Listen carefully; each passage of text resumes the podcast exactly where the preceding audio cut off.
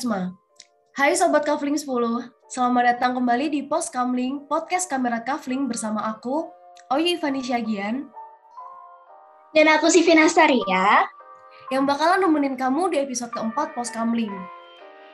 Wah, bener banget nih. Jadi, buat kamu yang belum tahu, Pos Kamling atau Podcast Kamera Kavling adalah program podcast dari Unit Aktivitas Pers Kampus Mahasiswa Universitas Brawijaya atau yang kerap disapa dengan LPMK 10. Wah, keren banget. Oh ya, selain itu di pos kamu ini kita juga bakal banyak banget ngobrolin berbagai topik seputar jurnalistik, isu-isu sekitar kampus, nasional maupun dunia. Waduh, waduh, waduh. Pasti udah gak sabar banget ya nih buat dengerin episode keempat kita kali ini. Makanya simak terus obrolan kita ya, karena di episode keempat pos kami kali ini kita bakalan ngomongin isu yang lagi panas-panasnya nih, lagi menyebabkan huru hara nih di mana-mana dan pastinya kayaknya Soka udah nggak asing lagi nih. Ada yang bisa tebak nggak sih? Itu loh yuk yang tiap tahun di bulan-bulan Desember tuh bikin rame di mahasiswa kampus. Apa sih Pin? Liburan semester? Waduh, iya sih liburan semester juga seru sih buat diobrolin. Tapi kayaknya ada yang seru lagi nih. Karena kita bakal uh, ngobrolin soal isu yang lagi hangat setiap fakultas maupun kayaknya di tingkat universitas nih. Soal kontestasi politik nih. Soal pemira dan organisasi ekstra kampus atau OME. Waduh, waduh, waduh. Tapi emang bener sih, kalau udah ngomongin soal kontestasi pemilwa dan pemira, pasti ngeri-ngeri sedap. Di fakultasku juga kemarin sempat rame tuh pas pemilwa. Walaupun udah selesai pemilwanya, tapi ketegangannya masih kerasa lah. Kalau di fakultas kamu gimana, Vin? Kayaknya di setiap fakultas pasti ada cerita sih. Di fakultasku juga sempat ada huru hara gitu kan, soal panitia pemilwa gitu. Nah, tapi jangan khawatir nih Soka, hari ini kita bakal ngebahas semua topik itu dengan santai dengan narasumber kita yang pastinya luar biasa. Beliau merupakan seorang akademisi, dosen di Fakultas Ilmu Sosial dan Ilmu Politik. Selain itu, narasumber kita juga merupakan seorang pengamat dinamika hubungan internasional dengan isu keagamaan dan politik. Nah, kita bakal ngebahas nih dengan beliau sebenarnya apa sih urgensi dari politik kampus dan organisasi ekstra tersebut di kalangan mahasiswa. Nah, penasaran nggak tuh? Wah, pasti penasaran banget. Langsung aja deh kita sapa narasumber kita yang luar biasa. Pak Adi Fahadaina. Apa kabar nih Pak Adi? Boleh dong sapa Sobat Kavling 10 atau Soka yang lagi dengerin podcast kita hari ini? Oke, selamat siang, selamat sore. Eh, teman-teman, uh, sobat apa tadi? Sobat Kavling, Pak. Oke, Sobat Kavling. Terima kasih sudah mau mendengarkan podcast hari ini. Baik. Saya boleh izin perkenalan dulu? Boleh, boleh Pak. Silakan, Pak. Uh, mohon izin untuk memperkenalkan diri. Saya Adi Pahadaina, dosen uh, di program studi hubungan internasional Fakultas Ilmu Sosial dan Ilmu Politik Universitas Brawijaya. Dan saya perlu di dulu karena temanya membahas tentang organisasi mahasiswa ekstra kampus. Saya adalah bagian daripada organisasi dan apa mahasiswa ekstra kampus. Saya kebetulan mantan ketua himpunan mahasiswa Islam di Universitas Erlangga dulu. Jadi cukup apa namanya uh, cukup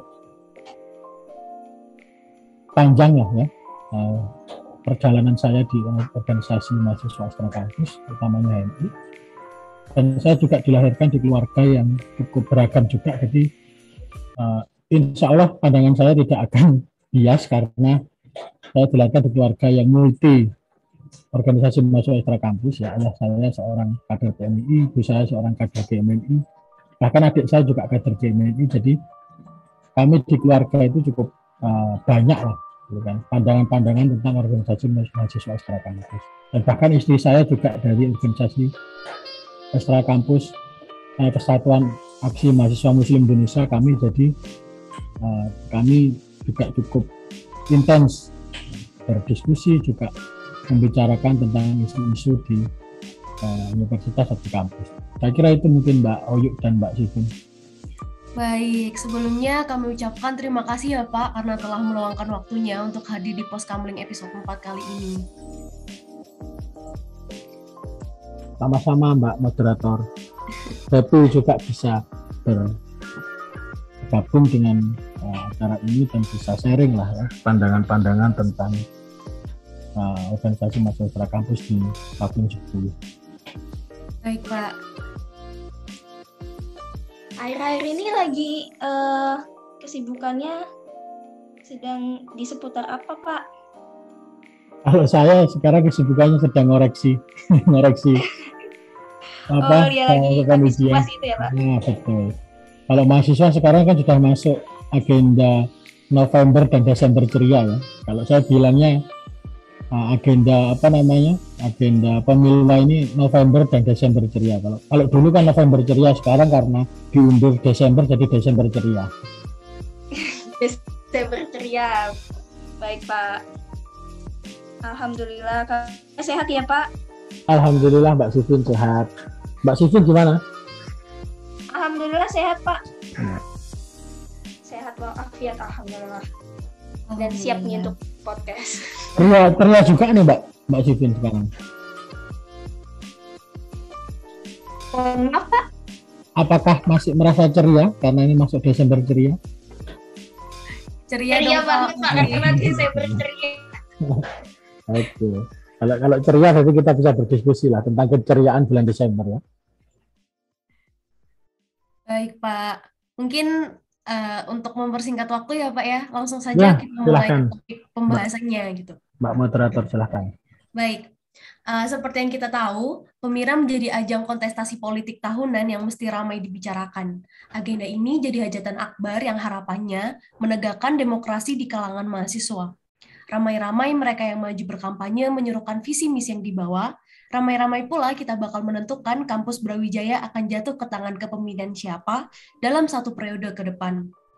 Nah, ngomongin soal politik kampus, rasanya nggak afdol kalau kita nggak ngomongin juga soal OMEK alias Organisasi Mahasiswa Eksternal. Tahu nggak sih teman-teman yang kalau abis ospek dulu sebar selebaran, terus pada ditirakin panitia, jangan terima selebaran apa pun. Waduh, tahu gak tuh? Kalau aku sih kayaknya karena angkatan online ya yuk ya. Jadi nggak mengalami tuh yang kayak begitu-begitu yuk. Kalau nah. angkatan online memang nggak mengalami. iya pak. Saya juga sama sih. Tapi nyatanya walaupun soal omek ini sering banget dibahas, masih banyak yang nggak tahu dan nggak begitu memahami eksistensi mereka tuh buat apa sih sebenarnya, atau bahkan buat apa omek itu hadir di tengah-tengah mahasiswa apa urgensinya, dan kaitannya dengan perpolitikan kampus, khususnya biasanya nggak tahu ini maba ya, karena mereka masih awam, masih polos gitu biasanya. Nah, baik. Uh, Oke Pak, tadi itu mungkin uh, sedikit gambaran gitu kan dari oh tentang topik yang mau kita bicarakan hari ini ini sih Pak saya sebenarnya mau bertanya nih dari sudut pandang mahasiswa baru kan pasti yang masih awam sekali dengan politik kampus maupun dengan organisasi-organisasi yang sana sini kan banyak sekali gitu di kampus. Nah, eh, yang pas bagi mahasiswa baru gitu yang belum menyadari bahwa ada yang namanya nih keberadaan organisasi ekstra kampus gitu Pak.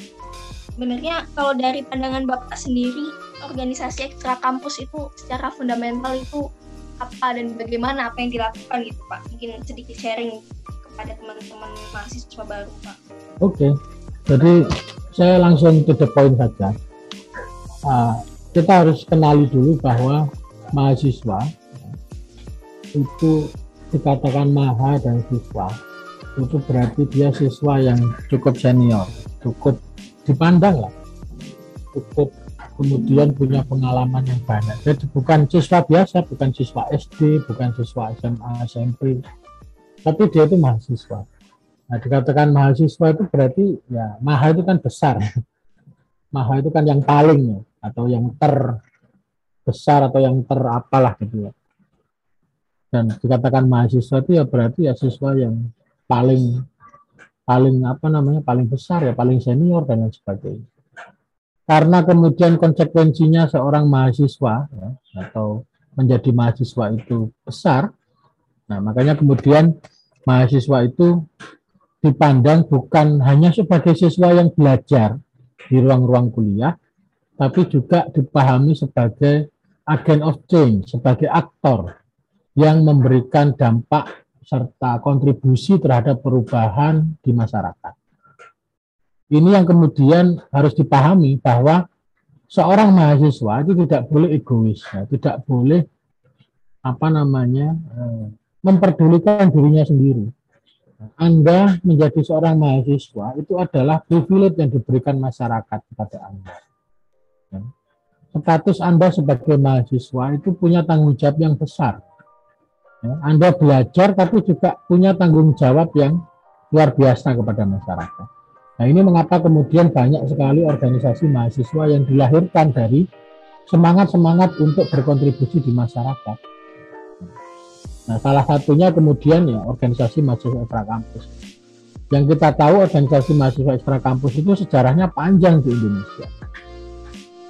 Dia bukan hanya sebagai kekuatan apa namanya politik, tapi dia juga sebagai kekuatan yang memberikan apa ya advokasi, memberikan perlindungan ya, menyampaikan aspirasi juga dari masyarakat kepada pemerintah organisasi mahasiswa ini dilahirkan dari sejarah panjang tentang uh, penjajahan ya penindasan di Indonesia yang mana kemudian juga semangat semangat untuk melawan penindasan dan penjajahan itu dilahirkan dari para mahasiswa. Kita dulu harus ingat ya pelajaran sejarah itu harus kita ingat bahwa dahulu ya, semangat untuk merdeka itu dilahirkan dari para mahasiswa-mahasiswa yang belajar di berbagai sekolah dan universitas di dalam maupun di luar negeri. Ya, dulu kelompok-kelompok mahasiswa ini banyak membuat kajian-kajian, banyak membuat kelompok-kelompok yang dengan gigih memberikan edukasi, mengempower masyarakat agar kemudian masyarakat itu mau berjuang untuk kemerdekaan bangsa kita. Nah, dari sini kemudian muncul juga semangat ketika Indonesia sudah merdeka ya. Nah, katakanlah uh, mahasiswa itu tetap ada gitu. Walaupun Indonesia merdeka, mahasiswa tetap ada. Mahasiswa tetap ada dan punya masih tetap punya tanggung jawab kepada masyarakat. Jangan karena kemudian Indonesia sudah merdeka, ya, digagas oleh para pemuda dan para mahasiswa pada saat itu. Ya, ambil contoh peran peran apa namanya peran alumni kedokteran lah ya, kedokteran di Stovia contohnya itu cukup besar ya sampai kemudian membuat Budi Utomo membuat banyak sekali organisasi yang kemudian ya menjadi spirit perjuangan kemerdekaan di Indonesia. Bahkan kebangkitan nasional, ya, Sumpah Pemuda itu dilahirkan oleh semangat-semangat para pelajar dan mahasiswa untuk uh, bahu membahu untuk menyatukan perjuangan agar Indonesia merdeka. Ketika Indonesia merdeka, mahasiswa tidak serta merta kemudian lepas tanggung jawab. Ya. Indonesia itu masih membutuhkan peran mahasiswa. Kita ambil contoh, contohnya dulu waktu Orde Baru. Orde Baru itu Bung Karno yang semula sangat demokratis, ya, kemudian bergerak ke arah yang sedikit tidak demokratis. Nah, itu diingatkan oleh mahasiswa. Karena Bung Karno juga sebagai apa namanya sebagai pemimpin itu tidak kebal kritik ya dia harus dikritik dan yang Berani mengkritik siapa? Yang berani mengkritik ya mahasiswa. Kita tahu pada tahun 60-an itu semua organisasi mahasiswa mengkritik Bung Karno. Termasuk kemudian GMI juga mengkritik Bung Karno. Karena Bung Karno mungkin terlalu totaliter dan harus diingatkan. Sekalipun apa namanya GMI itu menaruh apa Bung Karno sebagai uh, idola atau sebagai founder atau sebagai tokoh yang ditokohkan dalam organisasinya, tapi tidak kemudian Bung Karno tidak pernah dikritik oleh GMI, tetap dikritik pada tahun 60-an dan kritikan-kritikan itu yang kemudian membuat ya Bung Karno akhirnya bisa mengambil keputusan-keputusan yang lebih memperhatikan aspirasi di bawah.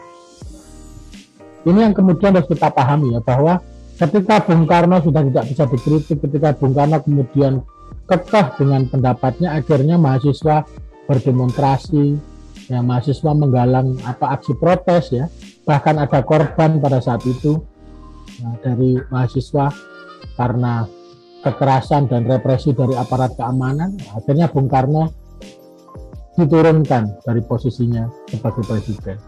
Digantikan oleh uh, Pak Harto ya Jenderal Soeharto sebagai pejabat presiden Nah, apakah dulu Presiden Soeharto itu juga dekat dengan mahasiswa? Dulu dekat sekali dengan mahasiswa, terutama mahasiswa yang uh, kontra atau kritis sekali dengan Bung Karno. Bahkan Pak Harto itu banyak sekali menemui organ-organ mahasiswa ya yang sangat kritis sekali dengan uh, Bung Karno dan itu menjadi fondasi penting ya bagaimana kemudian Pak Harto itu berkuasa. Tapi setelah Pak Harto berkuasa pada tahun 71 ada peristiwa malapetaka uh, Februari, Malari itu juga digagas oleh mahasiswa. Mahasiswa sudah apa gelisah gitu kan dengan dengan investasi asing yang begitu besar di Indonesia dan akhirnya kemudian menggalang aksi malari, demonstrasi besar-besaran itu yang membuat kemudian uh, rezim Orde Baru menekan kekuatan mahasiswa yang ada di dalam. Dulu ada NKK, BKK, jadi tidak boleh kemudian ada aktivitas politik kampus di dalam kampus itu. Semua organisasi mahasiswa ini dibubarkan oleh Orde Baru. Nah, apa pilihan mahasiswa? Ya tentu saja pilihan mahasiswa keluar, keluar kampus untuk me, me, memelihara kewarasan, memelihara kritisisme kepada pemerintah, mereka keluar. Banyak sekali organ-organ mahasiswa yang kemudian sangat kritis terhadap Orde Baru, ya, yang mana kemudian itu menjadi oposisi, di mana dulu pemerintah Orde Baru kan nggak ada oposisi, semua partai itu kan koalisi pemerintah. Mahasiswa adalah oposisi dari Orde Baru. Pada puncaknya reformasi tahun 98 yang menjadi motor juga mahasiswa. Apakah mahasiswa itu berasal dari dalam kampus? Tidak. Mereka semua itu diorganisir oleh gerakan-gerakan yang ada di luar. Tokoh-tokoh reformasi adalah tokoh-tokoh apa mahasiswa ekstra kampus, organisasi ekstra kampus. Ada Pak Taufik Kemas ya, alumni Jemen, ada uh, Prof. Amin Rais ya, tokoh HMI banyak ya. Banyak yang kemudian harus kita pahami bahwa uh, mahasiswa itu sebagai agent of change menyampaikan aspirasinya menyampaikan kritikannya kepada pemerintah itu lewat organisasi mahasiswa ekstra kampus. Karena ya pada kenyataannya sekarang itu gimana ya? Saya melihat contohnya sekarang aja mahasiswa yang apa ikut organisasi intra kampus itu bisanya apa lima. Ya. EM fakultas EM universitas bisanya apa? Mereka cuma bisa berisik ya tapi efeknya ya nggak nggak nggak apa namanya nggak konkret ya. berisik saja bisa. Berisik apa? Demonstrasi berisik uh, bikin kajian tapi konkretnya nggak ada. Berisik tapi ya tidak ada aksinya. Ya. bahkan kadang-kadang yang paling menjadikan saya itu miris itu adalah organisasi intrakampus itu malah menjadi kepanjangan tangan dari universitas ya. bukan malah menjadi apa namanya uh, oposisi gitu atau menjadi saluran aspirasi saluran advokasi. Karena ya kita lihat sendiri lah di apa namanya momen-momen November ceria ini nggak ada yang konkret gitu. Mau DPM-nya mau kahimnya mau pres EM-nya nggak ada yang konkret. Apa yang bisa mereka lakukan? Kan seharusnya kan organisasi intrakampus itu dibentuk oleh mahasiswa ya kan? Dilakukan oleh mahasiswa juga programnya kan harusnya untuk mahasiswa. Tapi tidak konkret. Saya ambil contoh di program studi saya sendiri saja ya. HI kan ada di apa himpunan mahasiswa hubungan internasional tidak konkret. Program-program kerjanya itu tidak mampu, tidak mau apa, mampu membantu mahasiswa HI sendiri gitu. Malah kemudian mereka sibuk sendiri dengan agenda atau program kerja program kerja yang kalau tanda kutip saya nilai tidak konkret ya. Program kerja program kerja yang tidak dirasakan dampaknya oleh konstituen mereka sendiri yang ada di HI artinya apa? Itu ada kecenderungan seperti itu. Ini yang kemudian menurut saya jadi agak aneh ya karena uh, mahasiswa itu bukan hanya dituntut untuk memberikan peran ya, dalam masyarakat, tapi kalau dia tidak bisa memberikan peran bagi sesama mahasiswa ya terus dia buat apa gitu. Jadi mahasiswa. Bagaimana dia bisa memberikan kontribusi ke masyarakat kalau kontribusi terhadap sesama mahasiswa itu tidak bisa? Kembali ke masalah ekstra kampus. Kenapa kemudian mahasiswa ekstra kampus itu masih eksis sampai sekarang? Ya bisa jadi karena mahasiswa intra kampus itu perilakunya sudah bukan sebagai aktivis tapi dia sudah sebagai birokrat kampus.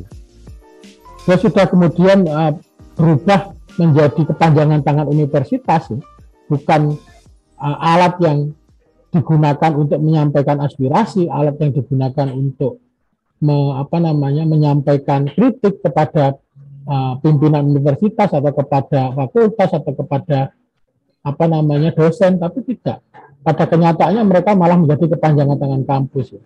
Bahkan beberapa dari mereka itu menjadi papan pengumuman. Kalau, saya tuh lihat sosial medianya itu jadi papan pengumuman. Papan pengumuman prodinya masing-masing ya, papan pengumuman apa namanya uh, fakultasnya masing-masing. Ya. Instead of kemudian mereka bergerak untuk me, apa namanya memberikan kontribusi kepada teman mahasiswanya sendiri atau kepada masyarakat. Ini mengapa kemudian peran organisasi ekstra kampus itu penting. Ya. Karena di mahasiswa ekstra kampus ya, itu diharapkan kita punya program kita punya gagasan yang besar ya untuk masyarakat, bukan hanya untuk kampus ya, untuk masyarakat. Saya di HMI dulu diajarkan oleh uh, senior-senior saya ya, itu untuk bisa memberikan apa ya dampak yang betul-betul bisa dirasakan ya, bukan hanya untuk kader saja tapi juga untuk masyarakat di sekitar. Artinya apa ya? Itu tantangannya besar bagi mahasiswa. Apa yang bisa kamu lakukan untuk masyarakat? Jangan pernah bertanya ya. Apa yang apa yang bisa organisasi ini lakukan untuk dirimu? Ya. Seharusnya kita kan tanya kan apa yang bisa kita lakukan untuk organisasi dan untuk masyarakat. Baru kemudian kita bisa bertanya untuk nagih itu istilahnya. Apa yang bisa kita lakukan untuk organisasi ini? Karena ya itu tadi regardless ya mau organisasi intra maupun ekstra itu sama saja. Kalau diisi oleh orang-orang yang apatis, orang-orang yang tidak punya visi, orang-orang yang tidak punya gagasan, isinya sama saja. Karena dia menjadikan organisasi itu baik intra maupun ekstra hanya sebagai kendaraan, bukan sebagai tempat untuk berproses, tempat untuk belajar. Jadi tempat untuk hanya untuk tempat untuk transit agar dia kemudian mendapatkan posisi, Nah, tempat untuk transit agar dia mendapatkan keuntungan ya. instead of kemudian itu diposisikan sebagai tempat untuk berproses dan tempat untuk belajar. Ini yang kemudian kenyataan yang apa namanya mungkin saya pelajari ya. Saya lihat sendiri ya akhir-akhir ini. Perbedaan antara zaman saya dan zaman kalian kuliah. Saya kuliah kan eh, 2009 ya. Saya 2009 itu 10 10 tahun yang lalu ya mungkin ya. Atau mungkin ya 10 tahun yang lalu lebih ya lebih dari 10 tahun yang lalu itu berbeda sekali dengan zaman sekarang. Saya kira itu dulu mbak. Uh, moderator mbak Sifin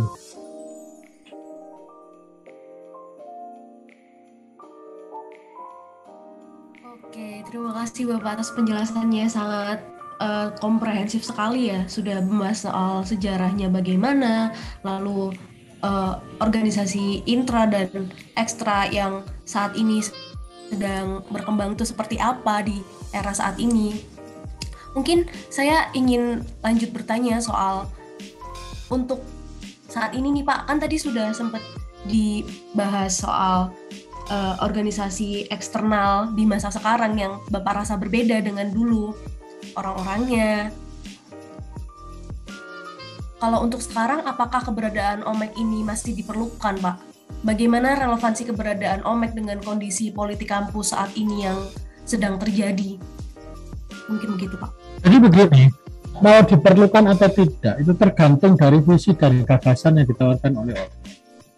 Saya ambil contoh organisasi yang saya ikuti ya, himpunan mahasiswa Islam itu berorientasi kepada kader kita punya kader, kita empower, ya kita didik, kita latih, kita berikan mereka skill karena di dalam HM itu ada lembaga, lembaga-lembaga uh, khusus yang kemudian uh, memberikan skill. Ada lembaga kedokteran, ada lembaga hukum, ya, ada lembaga pers, ya, ada lembaga macam-macam yang kemudian itu digunakan untuk uh, memberikan skill yang mapan kepada kepada mahasiswa. Jadi jangan hanya dilihat bahwa oh kalau kamu gabung ormas tertentu HMI terus nanti kamu jadi penguasa dan sebagainya itu pola pikir yang menurut saya pola pikir yang salah organisasi mahasiswa ekstra kampus itu bukan partai politik.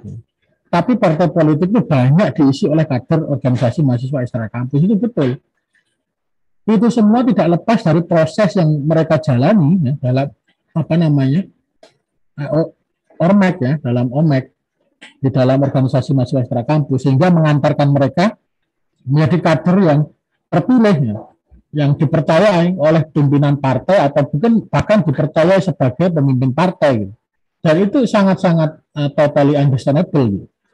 Nah, pertanyaannya sekarang, apakah mahasiswa itu memiliki kemauan dan memiliki apa ya semangat untuk belajar?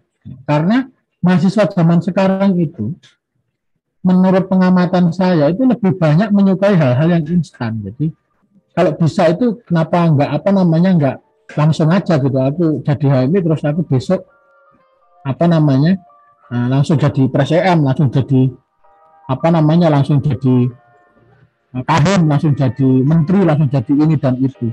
Nah itu kan pola pikir yang salah gitu. Itu kan pola pikir yang kemudian terjadi di elit politik kita sekarang gitu. Yang mana kemudian mereka ikut partai ya instead of kemudian mereka mengikuti proses pengkaderan yang panjang ya kan? Ya, mereka itu malah menggunakan partai politik sebagai kendaraan. Dan itu sih bisa dimengerti. Tapi yang tidak saya mengerti kenapa itu kemudian muncul spesies seperti itu di mahasiswa? Seharusnya kan mahasiswa itu punya privilege untuk memelihara idealisme. Ya kan mahasiswa itu yang saya tahu itu dia adalah seseorang yang memegang teguh idealisme. Dia punya gagasan yang besar gagasan yang luas wawasan yang tinggi gitu kan untuk melihat fenomena yang ada di sekitarnya ya untuk kemudian memberikan perubahan kepada masyarakat. Ya. Tapi ya repot ya. Mahasiswa zaman sekarang itu ya sama kayak organisasi mahasiswa zaman sekarang. Berisik tapi sepele bahasa bahasa bahasa namanya bahasa populer berisik tapi sepele. Demo ke sana kemari tapi tidak ada kajiannya. Kajiannya apa? Apa yang membuat mahasiswa itu harus berdemo? Ya, keresahan apa di masyarakat yang ditangkap itu tidak mewakili, malah merepotkan masyarakat. Ini yang kemudian mengang menjadikan masyarakat itu menganggap bahwa organisasi mahasiswa itu ya ya apa? Mereka hanya mencari eksistensi saja. Nah, makanya kan saya katakan setiap organisasi itu punya platform, punya platform ideologisasi, punya platform yang kemudian apa namanya uh, nilai yang harus di harus dipelajari gitu agar kemudian kita bisa bisa melihat gitu. Kalau saya kader HM itu saya itu harus gimana? Minimal saya harus tahu lah ideologisasi di HM itu kan namanya ada nilai dasar perjuangan. Kalau di GMNI kan biasanya diajarkan tentang ideologi marhainisme dan apa beberapa, beberapa perspektif kiri. Terus di kami kan diajari tentang Islamisme dan sebagainya itu ideologi-ideologi yang kemudian ya sifatnya itu idealis ya. Kalau mahasiswa zaman sekarang membaca saja nggak mau, gimana mereka mau bisa mengerti tentang ideologisasi? Dulu intelektual itu selalu diwarnai kalangan-kalangan intelektual itu diwarnai oleh kader-kader organisasi mahasiswa Islam kampus. Intelektual-intelektual itu yang kemudian memberikan dampak yang luar biasa terhadap kemajuan bangsa ini. Nah, di HMI contohnya ada Pak Nurkolis Majid ya, yang memberikan pemikiran tentang modernisasi Islam dan sebagainya. Ya.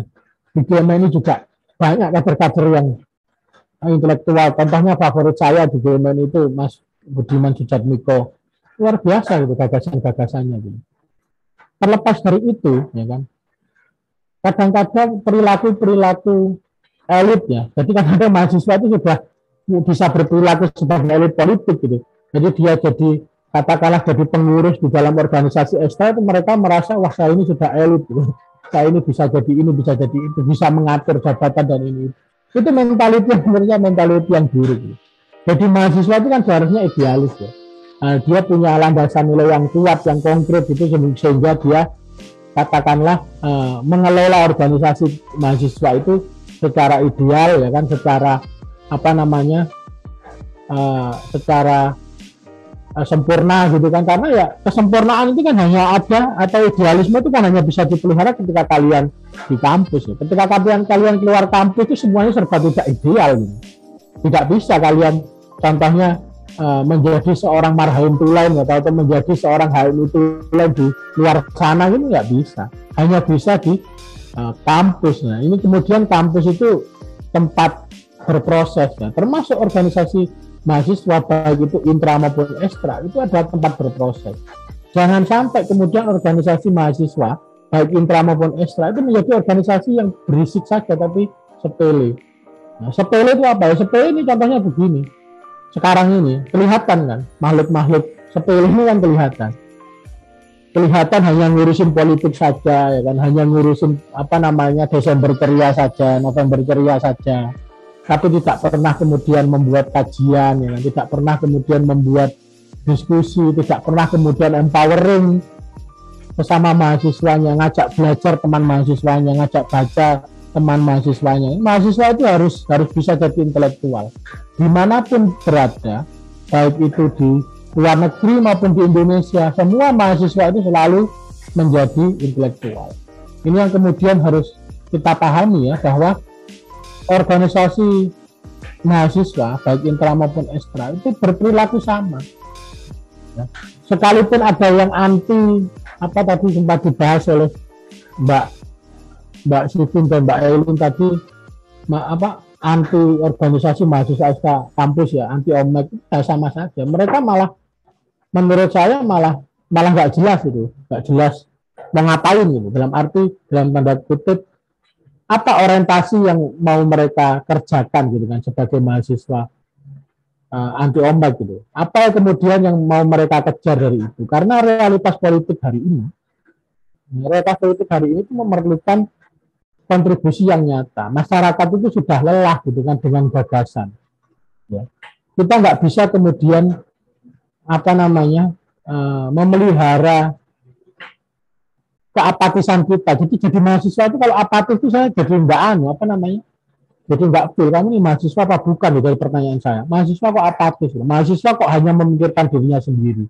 Mahasiswa kok bisanya cuma hahihi hahihi gitu, nongkrong di kopi-kopian sana nongkrong di kopi-kopian sini tapi enggak yang diomongin itu enggak konkret yang diomongin itu bukan gagasan ya mahasiswa itu nongkrong tapi yang diomongin gagasan ngomongin tentang Indonesia gitu ngomongin tentang negara ini ngomongin tentang kampus itu kan enggak kalau mahasiswa zaman sekarang diomongin kalau enggak ceweknya lah kalau enggak ngomong masalah mobilnya baru sepeda motornya baru ngomongin apa namanya bebetannya lah ya kan? bahkan mahasiswa zaman sekarang itu bisa nongkrong ya kan dua jam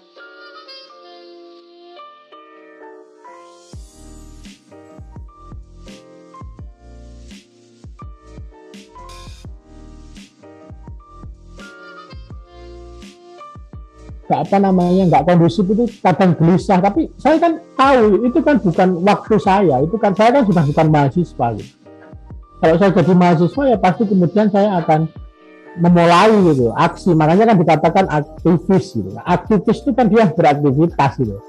Dia yang selalu memiliki aktivitas dia yang selalu memiliki program memiliki advokasi gitu. jadi jangan rebahan buat TikTok ya kan nongkrong sana nongkrong sini tapi nggak konkret itu buat apa gitu pertanyaannya itu mbak mbak moderator mbak Siti oke pak mungkin uh, sekarang kan karena kita skopnya lagi berbicara soal politik kampus gitu kan dan relevansinya dengan keberadaan organisasi ekstra kampus ini.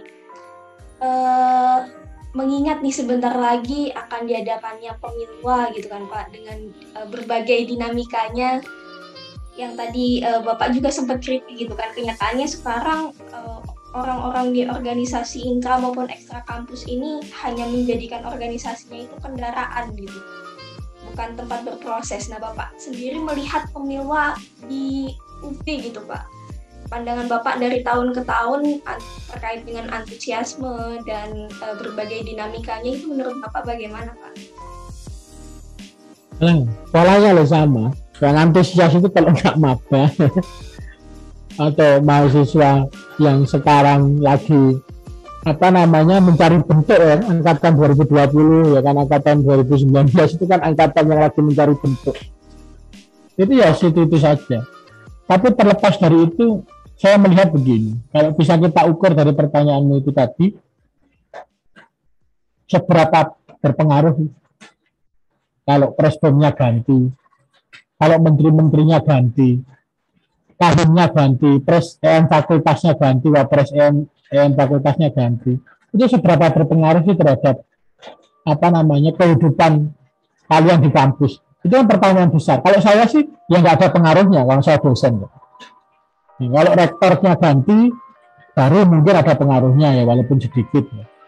Tapi PSM itu loh, ganti dari satu rezim ke rezim yang lain itu ada pengaruhnya nggak ke kalian? Kalau nggak ada pengaruhnya, pertanyaannya kan ya itu tadi, jadinya kan bottom line-nya itu adalah ya berisik tapi sepele. Sepele itu artinya apa? Sepele itu ya nggak ada nggak ada fungsinya, nggak ada nggak ada impact-nya kan gitu. Itu ditanyakan aja ke diri kalian sendiri-sendiri gitu. Ketika kalian itu disibukkan dengan aktivitas no, apa Desember, November dan Desember ceria ini gitu. Ya, apa impactnya kepada kalian? Apakah penting sekarang itu contohnya ya? Kalau saya jadi mahasiswa, saya memposisikan diri jadi mahasiswa. Gitu. Apakah penting sekarang itu saya jadi kahim, jadi presm? Apakah itu menjamin masa depan saya lebih cerah daripada yang lain gitu? Kan enggak juga. Apakah bisa menjamin? Apakah kemudian saya gabung organisasi intra kayak Himahi dan lain sebagainya ya, Hima atau apa namanya yang fakultas itu bisa menjamin masa depan saya. Begitu juga dengan ormas sama. Apakah kemudian saya ikut HMI, ikut kami, ikut DMI dan ikut sebagainya itu bisa menjamin masa depan saya akan lebih cerah daripada yang lain? Itu yang harus dijawab.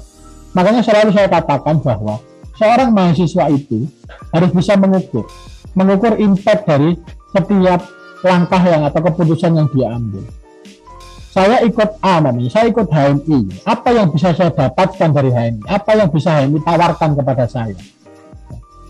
Apa yang kemudian HMI itu bisa uh, berikan kepada saya atau bisa empower saya gitu? Apakah saya nanti bisa jadi jurnalis terkenal kalau saya ikut HMI gitu kan ya? Bisa jadi kalau kalian mengikuti prosesnya sampai kemudian ke lembaga pers mahasiswa, uh, mahasiswa Islam ya, LAPMI.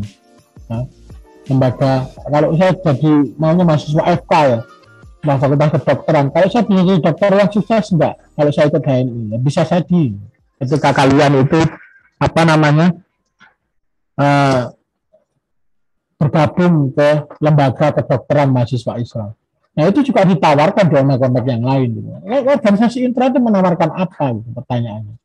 Kalau organ, jangan jangan di bandingkan karena itu enggak apple to apple. Dalam arti begini, organisasi mahasiswa ekstra kampus itu bergerak di empowering kader. Mereka punya kader, mereka punya apa namanya? Mereka punya tanggung jawab kepada kader sehingga mereka ya orientasinya kader. Kalau mahasiswa mahasiswa itu bergabung dengan ormek itu ya mereka betul-betul di sana difungsikan untuk belajar masalah pilihan mereka untuk mengikuti pemilwa yang which is pem, pemilwa itu atau pemira itu adalah uh, agenda intra kampus nah, itu urusan lain gitu. Itu bukan yang utama seharusnya gitu dari mahasiswa ekstra kampus itu paham nggak maksud saya? Jadi kayak contohnya ya kalau HMI itu kemudian naruh calon ya jadi presiden itu bukan yang utama gitu. yang utama di HMI itu adalah empowering kader bagaimana kemudian memberikan uh, itu uh, skill yang dia butuhkan untuk bisa bersaing lah ya di dunia kerja. Nah kalau masalah portofolio menjadi presiden dan sebagainya itu semua orang kan bisa. Tidak harus kemudian kamu ikut orme kamu bisa kamu apa namanya kamu boleh um, istilahnya apa bidding jadi calon gitu kan jadi calon BPM atau jadi calon PM itu kan nggak harus juga gitu. Pertanyaannya tuh simpel saja gitu. Setelah kamu mengikuti ini dan itu, setelah kamu mengikuti kepanitiaan ini dan itu, termasuk kapling 10, setelah saya mengikuti kapling 10, apa yang bisa saya dapatkan? Apa yang bisa saya pelajari? Ya kalau saya contohnya, saya dulu kenapa memutuskan ikut HMI gitu? Ya karena saya sangat terpukau dengan intelektual-intelektual HMI. Ketika saya ikut HMI, ya saya berprosesnya ya berproses menjadi seorang intelektual. Ya, uh, bergabung dengan kelompok kajian, ya kan, bergabung dengan kelompok diskusi, ya, menginisiasi diskusi, menginisiasi kelompok apa namanya, uh, kelompok membaca, ya, dan lain sebagainya. Itu yang kemudian saya lakukan dulu di HMI itu sampai mengantarkan saya sampai ke level yang cukup tinggi ya di HMI, sampai di cabang, sampai di pengurus besar. Di mana kemudian di sana juga saya masih melakukan hal yang sama dalam arti mengikuti diskusi, ya, mengikuti apa namanya pokoknya mengasah lah kemampuan intelektual intelektualitas saya gitu kan dari dari level latihan kader satu, latihan kader dua sampai latihan kader tiga itu ya semuanya saya lakukan hanya untuk mengasah kemampuan intelektualitas saya. Jadi saya sudah fokus pada saat memilih itu. Saya ingin bergabung dengan organisasi mahasiswa ekstra tertentu itu saya pengen jadi intelektual ya. Itu tidak apa-apa. Yang penting kita sudah punya orientasi. Masih-masih sekarang itu kan nggak punya orientasi. Ditanya kamu nanti mau jadi apa ya kan? Mau mau kerja apa yang banyak yang nggak bisa jawab. Ya itu terus mau ikut organisasi ekstra mau ikut organisasi intel terus mau ngapain? Dengan pertanyaannya kan? Terus apa itu fungsinya kalian ber, apa namanya mengikuti organisasi gitu kalau kalian nggak tahu orientasinya kalian itu mau apa Contohnya, aku mau ikut kapling 10 gitu kan, tapi aku nggak tahu besok mau jadi apa gitu kan. Seharusnya kalau apa kapling 10 gitu kan, saya pengen jadi jurnalis nah, gitu kan kelihatan gitu kan. Oh, jadi orientasinya tuh kalau pengen jurnalis ya gabung sama kapling 10. Itu contohnya saja gitu. Jadi orientasi ini yang kemudian kadang-kadang itu saya saya jarang temukan di mahasiswa karena mahasiswa sekarang itu kadang-kadang nggak punya orientasi, nggak jelas orientasinya mau ngapain. Jadi presiden habis jadi presiden mengapa enggak jelas sih jadi kahim setelah jadi kahim mengapa enggak jelas gitu jadi yang kemudian kadang-kadang ya saya itu ironis sekali gitu. Kamu sudah pada level itu tapi kamu masih belum bisa menentukan orientasinya. Nah akhirnya apa ya? Akhirnya wajar gitu kan. Wajar kalau kabin 10 ini menanyakan apa sih gitu kan? Pentingnya ormas gitu kan di era sekarang ini ya. Iya iya.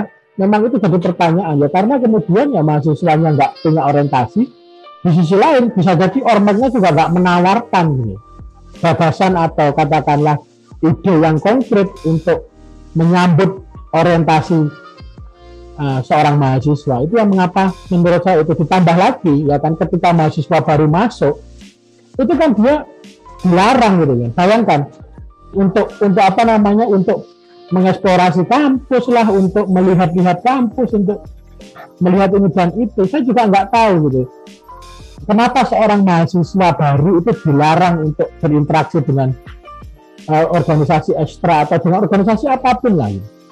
Itu menurut saya juga mengkerdilkan. Mahasiswa baru itu kan ma mahasiswa, dia itu kan sudah mahasiswa, dia itu sudah dewasa. Gitu. Yang mutusin kalau ini buruk, ini baik itu kan bukan bukan panitia. Memang panitia itu kan yang sama-sama mahasiswa, dia juga belum tentu benar mengatakan ini buruk dan ini ini yang baik, ini yang salah, ini yang benar kan belum tentu juga. Makanya kan saya kadang-kadang itu bertanya, oh, sama-sama mahasiswa loh, sudah sok-sokan mutusi gitu. Sudah sok-sokan apa ya, sudah sok-sokan yang paling tahu gitu, di dunia ini. Padahal sama-sama mahasiswa. Seharusnya mahasiswa itu punya yang namanya skeptisisme ilmiah. Dia itu seorang mahasiswa harus skeptis. Dia itu harus kemudian punya rasa keinginan untuk tahu yang tinggi. Jadi rasa ingin tahunya itu harus tinggi, harus kuat gitu. Sehingga dia itu dikatakan sebagai mahasiswa itu ketika, oh ini saya ingin tahu coba ormas itu apa gitu isinya. Saya kira begitu. Tidak ada ceritanya gitu kan, panitia ospek itu ngarang-larang ikut ini, ikut itu, dan apa namanya, apalagi melarang mahasiswa untuk berinteraksi dengan kelompok-kelompok tertentu. Itu menurut saya aneh gitu. Itu menempatkan seolah-olah mahasiswa baru itu sebagai anak kecil yang nggak tahu apa-apa. Padahal itu tuh ya sudah jadi mahasiswa, dia itu sudah dewasa. Sudah apa namanya, sudah 17 tahun plus lah kalau bahasa saya. Sudah, kalau apa namanya, kalau sudah dikatakan 17 tahun plus itu ya sudah bisa gitu, memutuskan yang mana yang benar, yang mana yang salah. Dia bukan anak kecil gitu. Kadang-kadang ini saya ingin ngajak mikir begitu. Apa yang kamu takutkan dari mahasiswa itu belajar? Contohnya saya, ketika ditanya gitu, banyak kok mahasiswa saya yang tanya dari ormek-ormek lain itu banyak.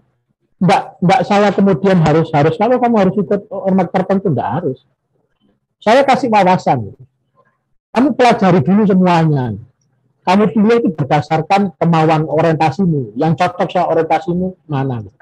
Itu yang kemudian selalu saya ajarkan. Makanya kita itu di hidup di lingkungan akademik seperti universitas itu jangan punya perspektif yang mengekang, ya, perspektif yang judgmental, ya, perspektif yang sukanya itu menjudge satu-satu-satu itu. Itu itu kan buruk. Padahal kita perspektif, kita terus membuktikan benar nggak sih omongan saya, benar nggak sih penilaian saya. Nah kalau kamu nggak pernah kemudian apa namanya membuktikan omonganmu sendiri ya, layakkah kamu disebut sebagai mahasiswa? Makanya mahasiswa itu sekarang ya nggak kritis jadinya gitu kan Ya karena mereka begitu masuk narasinya narasi ditakut-takuti sama seniornya ya kan, ditakut-takuti pas maba nggak boleh ini dan itu ditindas eh, sedemikian rupa. gimana mereka mau bisa kritis ya, gimana mereka mau bisa apa namanya tergerak gitu kan semangat aktivis aktivismenya. Mahasiswa yang demo contohnya digerakkan oleh EM itu saya yakin mereka itu tidak berdasarkan panggilan hatinya untuk demonstrasi. Yang mereka nggak tahu kok demonstrasi itu untuk apa. Mereka juga nggak tahu kok mereka itu memperjuangkan memperjuangkan apa. Ini kan ironis menurut saya. Mahasiswa zaman sekarang itu nggak tahu orientasinya apa. Saya kira itu mungkin Mbak Sufi. Oke Pak, jadi uh, kalau Bapak lihat tuh sebenarnya polanya sama gitu ya Pak agenda uh, intra kampus ini tiap tahun tuh istilahnya berisik tapi sepele gitu nah, dan iya tidak substansial juga gitu pengaruhnya sama. kehidupan di kampus. Betul, sama kayak pemilu pemilu pemilihan umum lima tahunan itu loh, Mbak Sufi. Berisik tapi kan ya sepele. Terpilih ya, anggota DPR apa dampaknya kepadanya? Belum tentu juga gitu. Ya, jadi mau presnya ganti, fungsionarisnya ganti gitu Pak, ya nggak ada ya. bedanya juga sebenarnya orientasinya. Nah ini mungkin uh, Oyu ada anggapan nih soal soal perihal ini nih Uh, mungkin saya lebih ini sih, lebih penasaran soal Pemira nih Pak. Tahun lalu kan Kavling 10 sempat merilis berita tentang campur tangan pihak rektorat di Pemira UB 2020. Di tahun 2019 juga sempat dikabarkan ricuh soal pengguguran bakal calon.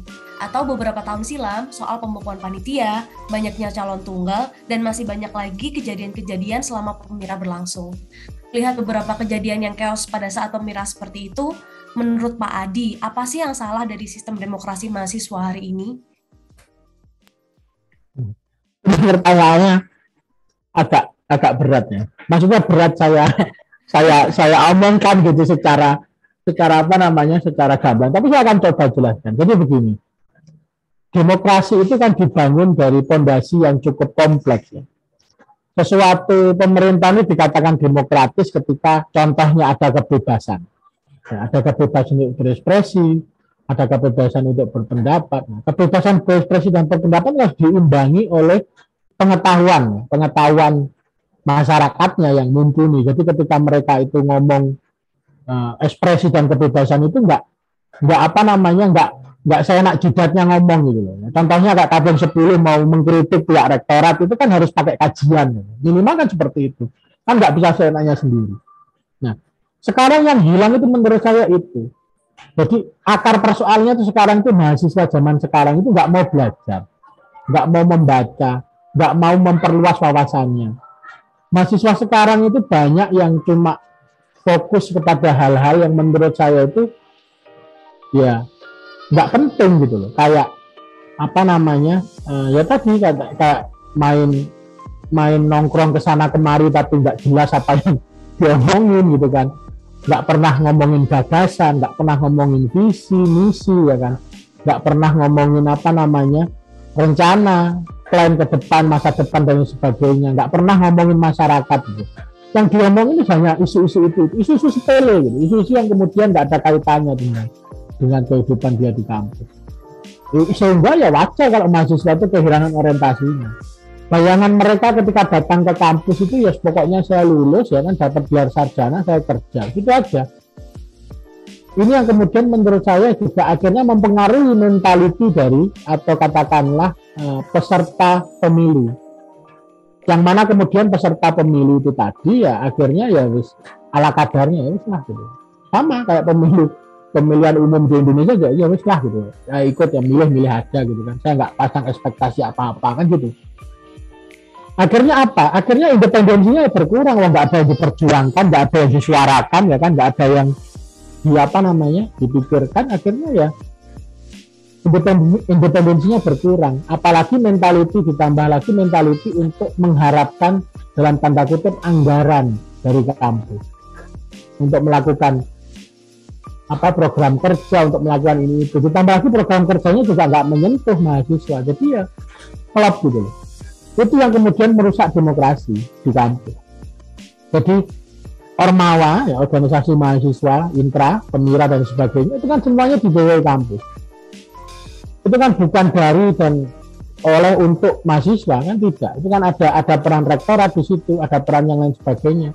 Ya wajar kalau kemudian uh, diintervensi dan intervensi itu kemudian ya enggak nggak apa namanya nggak bisa ditolak lah, mahasiswanya saja sudah nggak independen. Gimana independensi mahasiswa Pak? Ketika ngomong masalah isu-isu kemahasiswaan ya, isu-isu tentang uh, apa namanya, isu-isu tentang gerakan mahasiswa nggak ada. Mereka semua nggak nggak independen dan mereka semua juga itu tadi saya katakan sudah beralih dari aktivisme mahasiswa menjadi birokrat kampus, kepanjangan tangan dari universitas. Makanya saya, saya katakan bahwa yang membuka peluang itu kalau kalau zaman dulu ya, kalau zaman dulu ya rektorat universitas itu akan berusaha untuk mengintervensi. Tapi kan kita punya independensi, kita bisa tolak gitu, kita bisa lawan itu. Tapi kalau sekarang kan saya kira ya mahasiswa ini nggak punya orientasi yang duduk duduk di bangku apa namanya duduk duduk di bangku atau duduk di internal mahasiswa sebagai pengurus sebagai presiden menteri dan sebagainya itu juga punya ekspektasi gitu kan, punya ekspektasi, punya harapan terhadap pimpinan kampus ya, bukan untuk memperjuangkan mahasiswa di sana dia, untuk memperjuangkan dirinya sendiri. Ya otomatis ya ketika didatangi rektorat ya pasti dia nggak bisa apa-apa, nggak berani untuk melawan. Ya kan? Contohnya saya gitu, saya dulu waktu jadi ketua komisariat ya itu saya berapa kali datang ke dekan, saya berapa kali bertengkar dengan dekan, saya berapa kali bertengkar dengan ketua prodi saya, ketua departemen saya gitu bertengkar ini. Ya namanya bertengkar itu ya mempertaruhkan semuanya. Ya pasti kemudian saya dianggap apa namanya susah dikontrol ya kan? Saya pasti dianggap kemudian susah dikendalikan. Saya dianggap uh, terlalu kritis terlalu politis dan lain sebagainya. Itu anggapan-anggapan itu ya wajar sebagai seorang aktivis yang mana kita punya sikap yang tegas. Sekarang pertanyaannya berani nggak mahasiswa itu kayak gitu? Dalam protes saja loh. Protes contohnya protes kenaikan UKT protes apa namanya kepada rektorat aja pakai akun anonim gimana mau berani nah, itu itu kan sudah kelihatan gitu. pakai akun anonim terus habis itu pakai organisasi atau pakai akun sosial media yang nggak berbentuk lah gimana kemudian apa namanya uh, bisa berdampak gitu. Kalau berani ya kita pertaruhkan semuanya, kita bertarung gitu. Namanya bertarung ya ada resiko kalah ya pasti ada.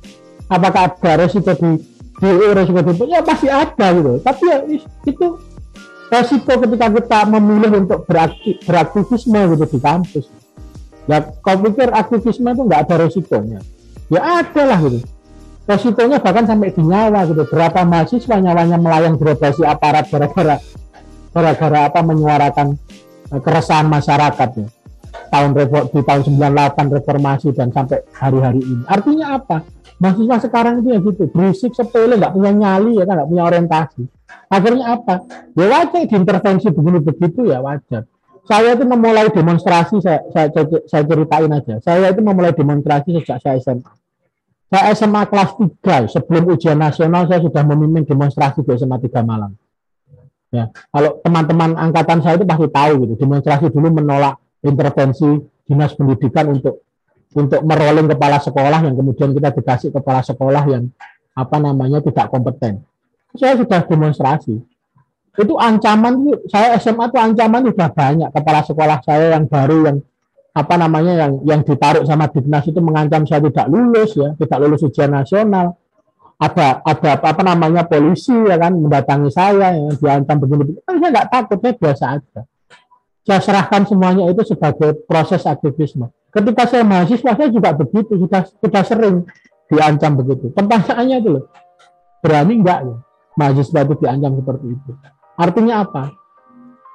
Artinya ya kita itu jangan jadi mahasiswa itu yang berisik tapi sepele, tapi berdampak, mempertaruhkan semuanya ya untuk untuk kepentingan masyarakat, kepentingan orang banyak lah, ya, kepentingan teman-temannya gitu.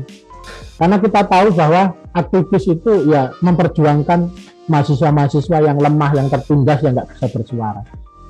Nah, kalau kita nggak punya semangat itu ya kita mau mau mau, mau jadi apa? Gitu. Kalau kita nggak berani mempertaruhkan itu mau jadi apa? Kalau presiden takut di DO, kalau menterinya takut di DO, takut diapakan sama rektor mau jadi apa? Itu pertanyaannya kan itu. Itu Mbak moderator Mbak Siti dan Mbak Ayu. Baik, menarik sekali sih Pak cukup kompleks ya. Fondasi demokrasinya sendiri cukup kompleks, tapi untuk menuntut demokrasi, kami juga harus membutuhkan pengetahuan dan nggak bisa seenaknya sendiri. Nah, mungkin karena waktunya juga sudah cukup banyak ya Pak ya dari tadi kita ngobrol sudah banyak banget dari sejarah dari organisasi mahasiswa sendiri, lalu sudah masuk ke politik kampus seperti apa, perkembangan ma organisasi mahasiswa dari dulu sampai sekarang seperti apa, lalu kemudian sudah bahas soal pemira dan kontestasi serta ideologi yang harusnya dibawa oleh mahasiswa, bahwa mahasiswa itu harus yang bisa merawat idealismenya di kampus, tapi sekarang justru menjadi birokrat kampus seperti itu. Yang saya paling ingat dari Pak Adi ini adalah jadi mahasiswa itu harus yang berdampak, jangan yang berisik tapi sepele gitu. Kalau Sipin gimana Sipin? Iya sih, uh, aku hari ini dapat insight dari Pak Adi gitu ya tentang organisasi kemahasiswaan tuh uh, ternyata banyak sekali ya gitu dinamikanya dan uh, banyak koreksi oh. juga dan seru banget gak sih pembahasan kita kali ini ya? Gak kerasa oh, kita udah ada di akhir episode keempat dari Pos Kamling nih. Nah, terima kasih kami sampaikan untuk Adi selaku narasumber yang telah menemani kita dan berbagi banyak hal seputar politik kampus, organisasi ekstra, organisasi kemahasiswaan. Tadi sempat juga uh, sedikit ya kita nyenggol soal anti omek gitu. Terima kasih banyak ya Pak. Ya, pokoknya kalau saya apa pun platformnya itu enggak masalah. Kalaupun ada anti omek yang didedikasikan untuk melawan lah katakanlah omek yang dalam tanda kutip ada ada pelanggaran itu tidak masalah. Yang penting punya dampak. Yang penting berani bertaruh, berani bertarung dan berani bertaruh. Karena bagi saya itu hidup yang tidak pernah dipertaruhkan dia tidak pernah dimenangkan. Nah, gimana kita bisa menjadi generasi pemenang kalau kita nggak berani bertaruh? Itu yang yang selalu saya ingat dulu ya dari senior-senior saya itu selalu mengajarkan seperti itu. Jadi kamu harus berani bertaruh, kamu harus berani bertarung. Ya, bertaruh dan bertarung itu kan pasti ada probabilitas untuk kalah. Dan ketika kalah itu ya kita bisa belajar banyak hal.